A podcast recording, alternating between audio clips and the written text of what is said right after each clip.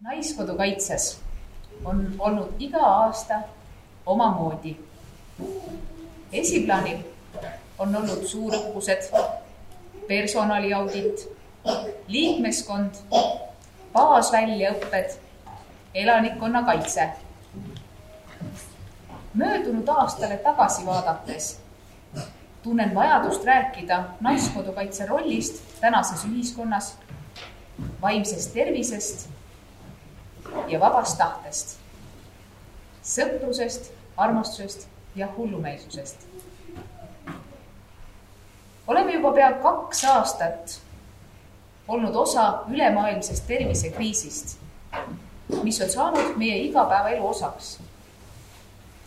see kriis on meile näidanud naiskodukaitse tugevust ja vajalikkust Eesti riigis. oleme valmis toetama Eestit koos nii, nagu just seda parasjagu vaja on. ega vist keegi kaks aastat tagasi päris täpselt ei teadnud ega kujutanud ette, kas ja kuidas naiskodukaitses omandatud oskusi muus kui sõjalises konfliktis kasutada. tänaseks on saanud selgeks, et naiskodukaitsjatel on väga oluline roll ükskõik mis tahes kriisisituatsioonis. meie käsi saab kasutada Covid testimiskeskuses reguleerijana, staabiassistendina Terviseametis, piiril olles raadiosaatja käes, infokandjana avalikus ruumis või hooldekodus seltsi pakkudes ja tekki kohendades. teadlik ja oskuslik kodanik. Need olemegi meie. on ju hea tunne? naiskodukaitses oldud aeg on kvaliteetaeg endale ja ka panus ühiskonda. mu süda on rõõmu täis, teades, et meie ringkonna naised on valmis koos panustama ühtselt, vabatahtlikult, ühiste eesmärkide nimel. aga suuremate eesmärkide nimel tegutsedes ei tohi ära unustada ka iseennast. peame meeles pidama, et meie enda tass oleks täis. et siis jaksaksime täita ka teiste tasse pooleteise aasta jooksul oleme ilmselt kõik tundnud mingitel hetkedel, nagu oleksime kinni ahelates, mis on nähtamatud. piiratud tegevused, vähendatud kontaktid, mure enda ja lähedaste pärast. kõik see avaldab survet meie vaimsele tervisele. mina tunnen, et meie siin omame südant ja silmi, et vajadusel olla üksteise turvavõrk.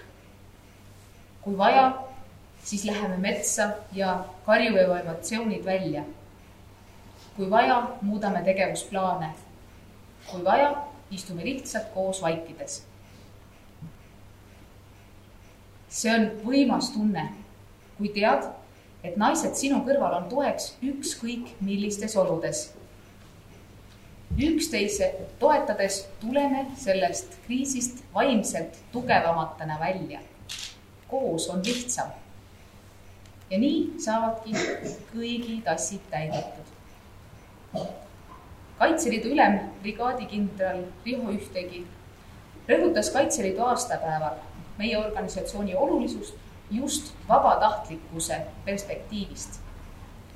Öeldes, et meie vabatahtlikud on olulisim organisatsiooni osa, mida tuleb kõige rohkem teadvustada ja seeläbi võimestada. panustame ju organisatsiooni oma vaba aja, pere, kodu ja sõprade arvelt. see peabki baseeruma vabal tahtel ja läbi isikliku motivatsiooni, mida organisatsioon peab toetama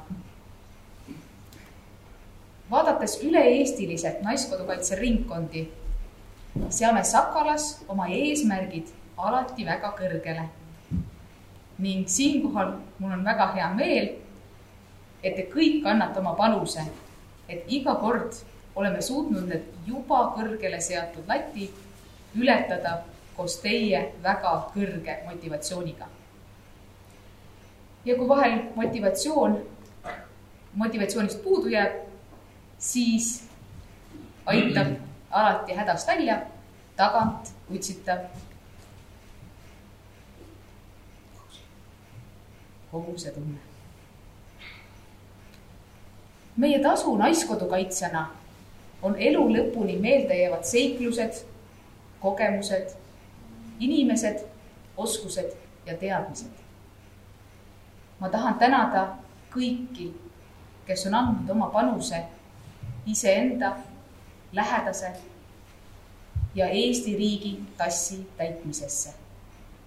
märkame, hoolime, hoiame ja ärme kaota ära